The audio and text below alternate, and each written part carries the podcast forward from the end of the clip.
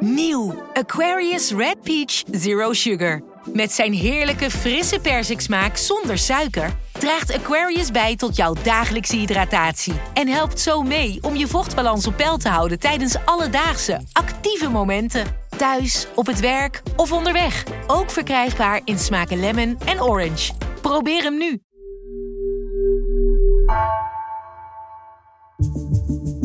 Vanaf de redactie van NRC het verhaal van vandaag. Mijn naam is Egbert Kalsen.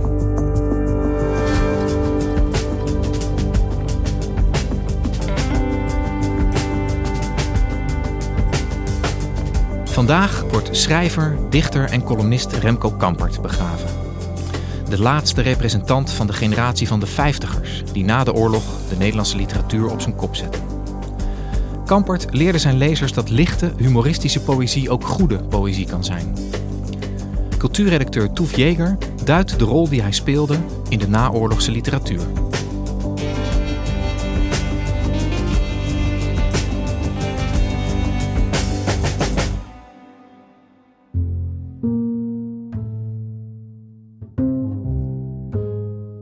Toef, vorige week uh, overleed Remco Kampert. Het is veel over hem gegaan. Zijn dood maakte, maakte veel los. Nou overlijden er wel vaker schrijvers. En waarom moeten we wat jou betreft wat uitgebreider stilstaan bij, bij Remco Kampert? Nou, het lag natuurlijk alleen naar verwachten dat hij zou overlijden. Gezien zijn uh, leeftijd dat hij ook eerder aangekondigd hij niet meer ging schrijven. Maar het is voor heel veel mensen denk ik een soort van gevoel dat de laatste grote dichter van de 20e eeuw eigenlijk is overleden.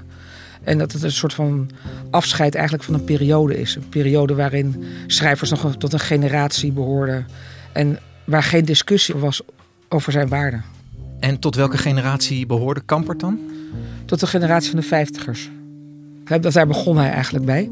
Ja. Ehm, dat was een soort groep die met Loetje Bert, uh, die natuurlijk daar denk ik de bekendste naam van is, maar Gerrit Kouwenaar, Hugo Claus hoorden er allemaal bij. En dat was, die waren nauw verwant met een kunststroom van Cobra. Nederland had de, had de stromingen van Dada, het expressionisme, had Nederland eigenlijk overgeslagen, zeker in de literatuur. En daar wilden zij naar terug. En waar ze ook van af wilden was eigenlijk zulke dichters als Roland Holst, die heel traditioneel een sonnetten, diepe gevoelens schreef. En Vestdijk, die natuurlijk de vooroorlogsliteratuur en de naoorlogsliteratuur weer enorm bepaalde. Um, en Bert Voeten, die heel traditioneel is. Al die traditionele dichters, daar wilden ze eigenlijk afscheid van nemen door open te staan voor het experiment.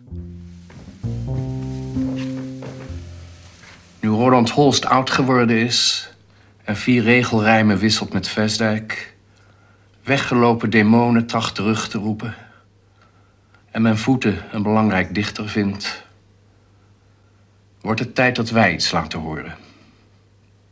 Een stem dwars door puinstof heen, die glipt door de spijlen van het bedskelet, die nooit de baard in de keel wil hebben, die wil bevechten een groot geluk of ongeluk een klein geluk is geen geluk. Die door schade en schande nooit wijzer wil worden.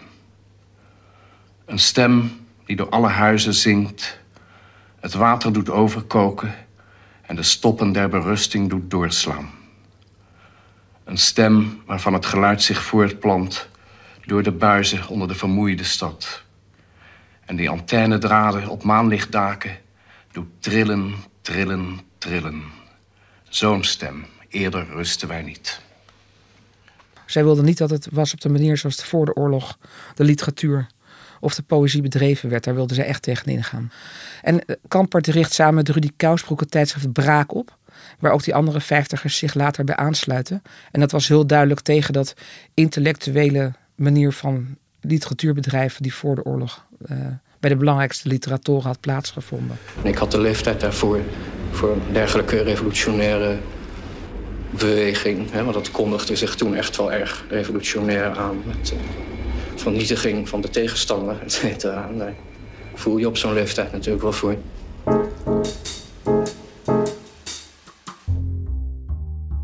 En hoe werd dat ontvangen? Wat was de reactie van poëziecritici en van collega-dichters op die nieuwe stroming? Nou, zoals bij elke nieuwe stroming niet zo positief. ja. en, ehm, uh, want bijvoorbeeld uh, Bertus Avius, dat was wel een bekende literatuurcriticus en ook trouwens schrijver zelf in die tijd. Op een gegeven moment gaan die vijftigers komen met een bloemlezing. En hij recenseert die bloemlezing en zegt: De SS is de poëzie binnengemarcheerd. En daarmee bedoelde hij dat er dus veel meer agressie zat in die toon. En hij wist ook van Lutjebert, die heel vrijwillig in de Duitse wapenindustrie had gewerkt. Daar wist Avius van. Dus hij dacht ook van, kan ik lekkere sneer geven naar deze nieuwe generatie. Dus het was een beetje dubbel wat hij daar deed. Dus die agressie. Maar ook even aangeven dat uh, niet iedereen even zuiver op de gaten was bij die vijftiger. Ja, en het, dat leidde gelijk tot polemiek, kan ik me zo voorstellen. Heftig debat in Poëzieland. Ja, zeker. Ja. En die vijftigers zelf reageerden natuurlijk ook gewoon... Nou ja, we hoorden het net bij Kampert die uh, ja, natuurlijk tegen Roland Holst en Bert Voeten tekeer gaat. Uh, het was gewoon een flinke clash, werden af en toe uitgedeeld. Hey, en Toef, die vijftigers, hè, wat was nou de rol van Kampert binnen die nieuwe stroming? Wat, wat was zijn positie? Nou, zijn positie was dat hij natuurlijk dat tijdschrift Braak had. Maar ook hij was wat luchtiger dan de rest. Dus dat wat meer humor, wat meer lichtheid in zijn dingen. Niet dat het nou allemaal heel eenvoudig is, maar het is een soort van eenvoud die, uh, die opvalt. Een soort van lichtzinnigheid dat niet meteen hetzelfde is als slecht. Maar hij laat wel zien dat humor en lichtheid en schijnbare eenvoud dat dat heel goed samengaat in poëzie. En hij was daar heel anders in dan die andere vijftigers die toch veel zwaarder waren eigenlijk. Ja, ja, hij nam een aparte positie in met die lichtheid en die humor. Ja, wat er bijvoorbeeld wel een leuk voorbeeld daarvan is, is vind ik... Um, op een gegeven moment krijg je na de vijftigers krijg je natuurlijk een volgende generatie, het zijn de zestigers. En Kampert is eigenlijk de enige die daar uh, in mee durft te gaan. Dus op een gegeven moment heb je het tijdschrift Barbarber en die eh, bracht helemaal echt humor in de, in de literatuur. En Kamper deed mee. Die schreef ik af en toe gedichten voor dat blad. En om dan bijvoorbeeld twee voorbeelden te noemen die hij daarvoor schreef. Uh, als Paul van Ostaaien niet zo jong gestorven was en nu nog leefde, dan was hij 69 geweest. Daar moet je toch eigenlijk ook niet aan denken. Ja. dat is een gedicht in de serie Gemompel. Paul van Ostaaien was uh, een dichter die heel jong gestorven is. Maar hij is bekend van de gedichten Bezette Stad. En hij deed heel veel vormexperimenten en überhaupt experimentele poëzie. Vlaamse dichter. En uh, Kampert die reageert er dus op omdat er natuurlijk een soort mythe omheen hing dat deze grote dichter zo jong gestorven was. En ook een ander gedicht uh, dat hij schreef is: Hoe duidelijker ik het wil zeggen, hoe minder ik uit mijn woorden kom. Dat lijkt me een typisch verschijnsel van het een of ander. het is op een hele leuke, geestige manier eigenlijk een hele schitterende definitie van poëzie geven. Ja, het is, het is bijna, bijna spreektaal, gedachte, een beetje no-nonsense dichter, ja. mag je dat zo noemen? Ja, no-nonsense, ja, misschien kan je het inderdaad zo, zo noemen. Het is in ieder geval wel. Uh, ja, recht toe, recht aan kan je het bijna noemen. Ja, en, en heel uh, toegankelijk misschien ook ja. wel. Ja. ja, zeker. En bereikte zij dan ook een nieuw publiek, zeg maar, wat, voor, wat zich voor poëzie ging interesseren? Uh, nou, zeker. Ik denk wel dat Kampert echt wel een uh, belangrijke rol heeft gespeeld bij de generaties daarna. Ik bedoel, niet alleen die groep van die zestigers, die waardeerden hem heel erg. Maar ook als je naar dichters van nu kijkt. Door schijnbare eenvoud heeft hij echt wel heel veel generaties heeft hij daarna beïnvloed. Remco Kampert die had een belangrijkere, ja, een unieke positie, uh, zeg jij eigenlijk, hè, in die, die groep van vijftigers. Jij schetste al dat hij ook de generatie daarna uh, goed aanvoelde, de zestigers. Is dat typerend voor hem? Hoe is hij zich blijven ontwikkelen in die jaren na zijn start? Hij heeft zich altijd blijven vernieuwen, omdat hij altijd uh, op een bepaalde manier jong is gebleven. Je zag nu ook in heel veel necrologieën. De man die eigenlijk altijd een jongen is gebleven. Zelfs 92 nog een soort van jongen was. Met jonge generaties hield hij zich bezig, maar ook met andere kunstvormen. Hij zocht samenwerkingen op. En hij combineerde ook van alles. Met jazz deed hij bijvoorbeeld ook veel. Daar heeft hij trouwens ook hele mooie poëzie op voorgedragen op jazz. Hier nu, langs het lange, diepe water. Dat ik dacht, dat ik dacht dat je altijd maar, dat je altijd maar langs het lange, diepe water. Waar achter oeverriet, achter oeverriet de zon. Dat ik dacht dat je altijd maar, altijd. Dat altijd maar je ogen, je ogen en de lucht. In de jaren zestig kwam hij met proza. Het leven is verrukkelijk. Uh, met allemaal u's geschreven. En daarna uh, Champy of Liesje in Luiletterland. En het was echt allemaal met van die taalexperimenten. Waar de taalvernieuwing, die trouwens niet is blijven hangen hoor. Iedereen deed dat een beetje in de jaren 60 en we hebben het allemaal weer laten zitten. Met al die S'en, et cetera. Maar, um, en in de jaren 70 raakt hij wat geëngageerder. Hij komt er met een heel erg mooi gedicht. Uh, iemand stelt een vraag. En wat daar hele bekende regels uit zijn is jezelf een vraag stellen. Daarmee begint verzet. En dan die vraag aan een ander stellen. En nou, dat is al een klein impliciet op zijn vader, want zijn vader was uh, Jan Kampert. Jan Kampert was een belangrijke verzetstrijder die ook in Nooie Gamme in 1943 is omgekomen. En bekend van het gedicht van de 18 doden. Een cel is maar twee meter lang en nou twee meter breed. Wel kleiner nog is het stuk grond dat ik nu nog niet weet, maar waar ik naamloos rusten zal. Mijn makkers bovendien, wij waren achttien in getal, geen zal de avond zien. Remco Kampert schreef er eigenlijk niet zo heel veel over, terwijl hij natuurlijk wel daar um, ja, met dat gegeven moest leven dat zijn vader was omgekomen, vermoord. En uh, in de jaren tachtig komt hij dan opeens met een gedicht. En dat gaat echt heel expliciet over zijn vader. Dat is januari 1943. En dat vertelt eigenlijk het verhaal over hoe hij hoort dat zijn uh, vader is vermoord. Ik liep over het karspoor op een kakende winterdag. Mijn moeder kwam me tegemoet, figuurtje in de verte. De nacht daarvoor droomde ik dat ik een scheepje zeilen deed. Mijn hand streelde het kroos in de blikkerende sloot. Het scheepje zeilde naar de overkant en raakte klem in het oevergras. Ik keek op en zag mijn vader staan. Hij stak zijn arm door prikkeldraad. Hij keek me smekend aan. Mijn vader vroeg aan mij om brood. Op die landweg, moeder, hield je me minuten vast. Je ogen waren rood, je jas die rook naar stad. De Duitser had per kaart gemeld, mijn vader, hij was dood. In Neuengamme, bitter oord, daar hadden ze hem vermoord. Ik voelde niets, maar wist dat ik iets voelen moest. Ik keek langs mijn moeders mouw naar het lokkend bos. Pas toen het kon, vertelde ik honderd uit over wat me werkelijk bezig hield. De strik die ik had gezet voor het konijnenhol. De hut die ik aan het bouwen was in de boom die niemand kende. Eerst later voelde ik pijn die niet meer overging. Die nog mijn lijf doortrekt nu ik dit schrijf. Lang geleden, toch dichtbij. De tijd duurt één mens lang.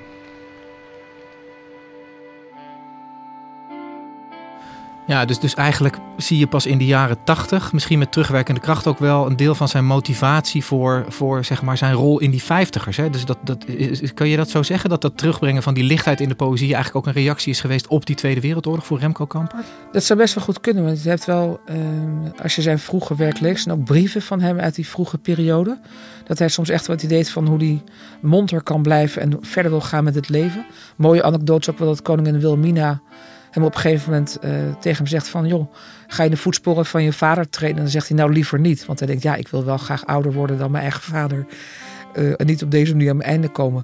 Maar dus hij werd heel vaak geplaatst als kind van zijn vader. Terwijl hij natuurlijk zelf ook gewoon eigenlijk een andere kant op wilde. En die jaren tachtig zijn dus wat dat betreft een soort kantelpunt. Hè? Daar laat hij eigenlijk een beetje zijn persoonlijke kant ook wat meer zien. En die zwaarte misschien wel een beetje uh, in, in zijn schrijven ook. Uh, jij zei net, hij heeft zichzelf continu weten te vernieuwen. Hoe, kun je schetsen hoe die, die laatste drie, vier decennia van zijn leven eruit ja. hebben gezien? Nou, hij bleef wel gewoon poëzie en ook wel proza schrijven. Maar wat ook bijvoorbeeld opvallend was dat hij columns ging schrijven. Hij had heel lang had hij natuurlijk de column in de Volkskrant. Die denk de meeste mensen nog wel kennen. KMU. Dat was hij natuurlijk de K dat is de CA en de andere was Jan Mulder, de MU. En uh, daar had hij ook een soort van. Uh, was ook met ironie op de politiek ging hij erop. En daar, maar ook met een soort van. Ja, hele ironische, lichte toon af en toe. Met welk, ook wel gevoel voor weemoed uh, die erin zat. Die natuurlijk heel veel mensen aansprak. Ja, en dokter Anders Mallebroodje herinner Dokter Anders Mallebroodje, ja. Ja, het Kamerlid uit Elst. Ja. Ja, dus hij zat eigenlijk ook nog wel heel erg met, uh, met, met de vinger aan de pols van de actualiteit. In die columns zeker, ja. ja. Het Dr. Anders Mallebroodje, het was natuurlijk echt heel erg geestig... zoals hij daar vaak mee op Den Haag reageerde. Ja. En nou, een mooie afsluiting van zijn schrijverscarrière was... dat er een uh, onthulling was van een groot gedichte plaket... bij zijn uitgeverij De Bezige Bij... waar ook zijn hele leven bij is gebleven. Naast het gedicht van zijn vader met de 18 doden... dat dan ook in de tijd toen De Bezige Bij als verzetsuitgeverij begon... Uh, gepubliceerd is. En dat was ook wel een hele mooie afsluiting van zijn schrijversloopbaan. Ja, de beide Kamperts samen. De beide Kamperts samen. Het was voor hem, bij. heb ik begrepen, ik was er niet bij, maar ik heb begrepen dat dat voor hem een heel bijzonder momentum was. Vind ik een hele goede geest. Ja. Ja, het, het staat er mooi. Het heeft te maken met het verleden van de uitgeverij. Ja, die uit verzet is ontstaan eigenlijk. Dus ja, ik ben daar heel tevreden over. Kampert is zich dus zijn hele leven blijven ontwikkelen. Uh, hij heeft, heeft ongelooflijk veel geschreven. Ik pakte gisteren nog een boek uit de kast en zag zo'n ellenlange lijst met publicaties staan. Wat is nou zijn, zijn invloed geweest zeg maar, op, de, op de mensen die na hem kwamen? Heeft hij de huidige generatie schrijvers ook beïnvloed? Ja, dat denk ik wel. Hij heeft echt weg vrijgemaakt voor, voor eenvoud en voor humor in de poëzie. Bijvoorbeeld denk, denk dat dichters als Esther Naomi Perkin, Ingmar Heitz of Mustafa Stitu... Uh, dat zijn echt dichters die nou, ja, misschien is het te sterk om te zeggen dat ze dankzij Kampert zijn. Maar in ieder geval, Kampert heeft, kan niet anders een hele grote invloed op ze gehad. Met zijn schijnbare eenvoud en zijn humor. Ook bijvoorbeeld uh, Ramsey Nasser had een documentaire en daar zei hij dat, dat Kampert de laatste god in de poëzie was. Ja. En uh, ja, dat is echt niet te onderschatten, denk ik, die, die invloed. Ja. Die gewoonheid van taal, dat spreekt gewoon echt wel aan.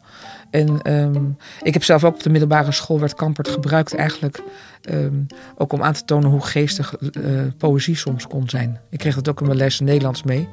En volgens mij wordt dat nog steeds eigenlijk, wordt Kampert daarvoor wel aangehaald. Want het, het is poëzie, maar het is toch op een bepaalde manier toegankelijk. Ja, en, en het mist zeg maar alle, alle zware uh, literaire wetten zeg maar, van de poëzie. Hè? Geen ja. sonnetten, geen kwadrijnen. En dus hij wordt eigenlijk gebruikt om aan te tonen dat poëzie ook heel erg leuk is om te lezen. Ja, en ook om te schrijven dus blijkbaar schrijven, voor, uh, ja. voor, voor die mensen die jij noemde.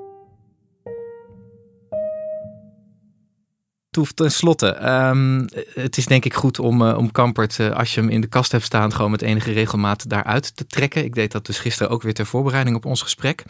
Um, wat zou je onze luisteraars aanraden? Wat is zeg maar een, een goede toegang tot Remco Kampert als je er nog aan moet beginnen?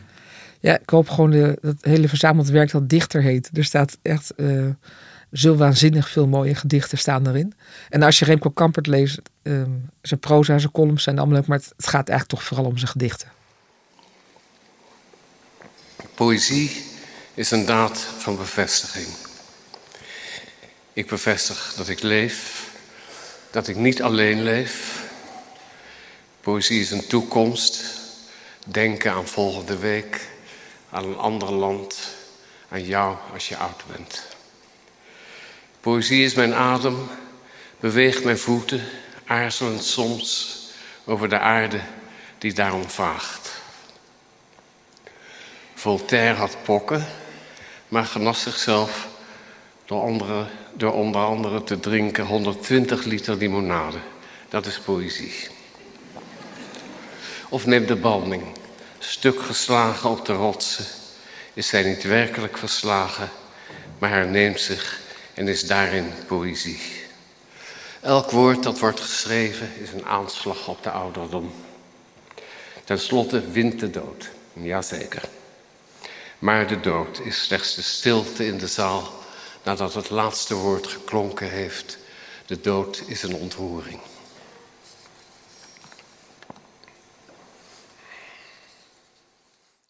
Als je nog meer wilt weten over Remco Kampert, dan kun je ook luisteren naar de aflevering van de NRC Boekenpodcast Tussen de Regels van afgelopen vrijdag.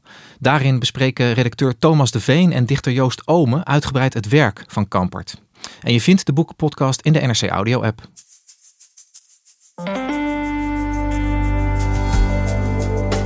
Je luisterde naar vandaag, een podcast van NRC.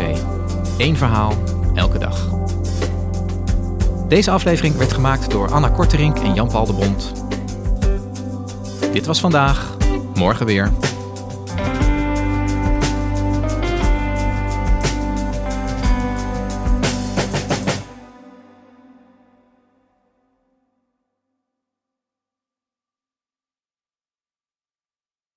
Je hebt aardig wat vermogen opgebouwd. En daar zit je dan, met je ton op de bank. Wel een beetje saai, hè? Wil jij, als belegger, onderdeel zijn van het verleden of van de toekomst? Bridgefund is een slimme fintech die een brug slaat tussen de financiële behoeften van ondernemers en van beleggers. Dus wie belegt bij Bridgefund krijgt niet alleen een mooie vaste rente, maar brengt ook ondernemers in beweging. Echt waar. Met die ton kan je zoveel betere dingen doen. Bridgefund. Make money smile.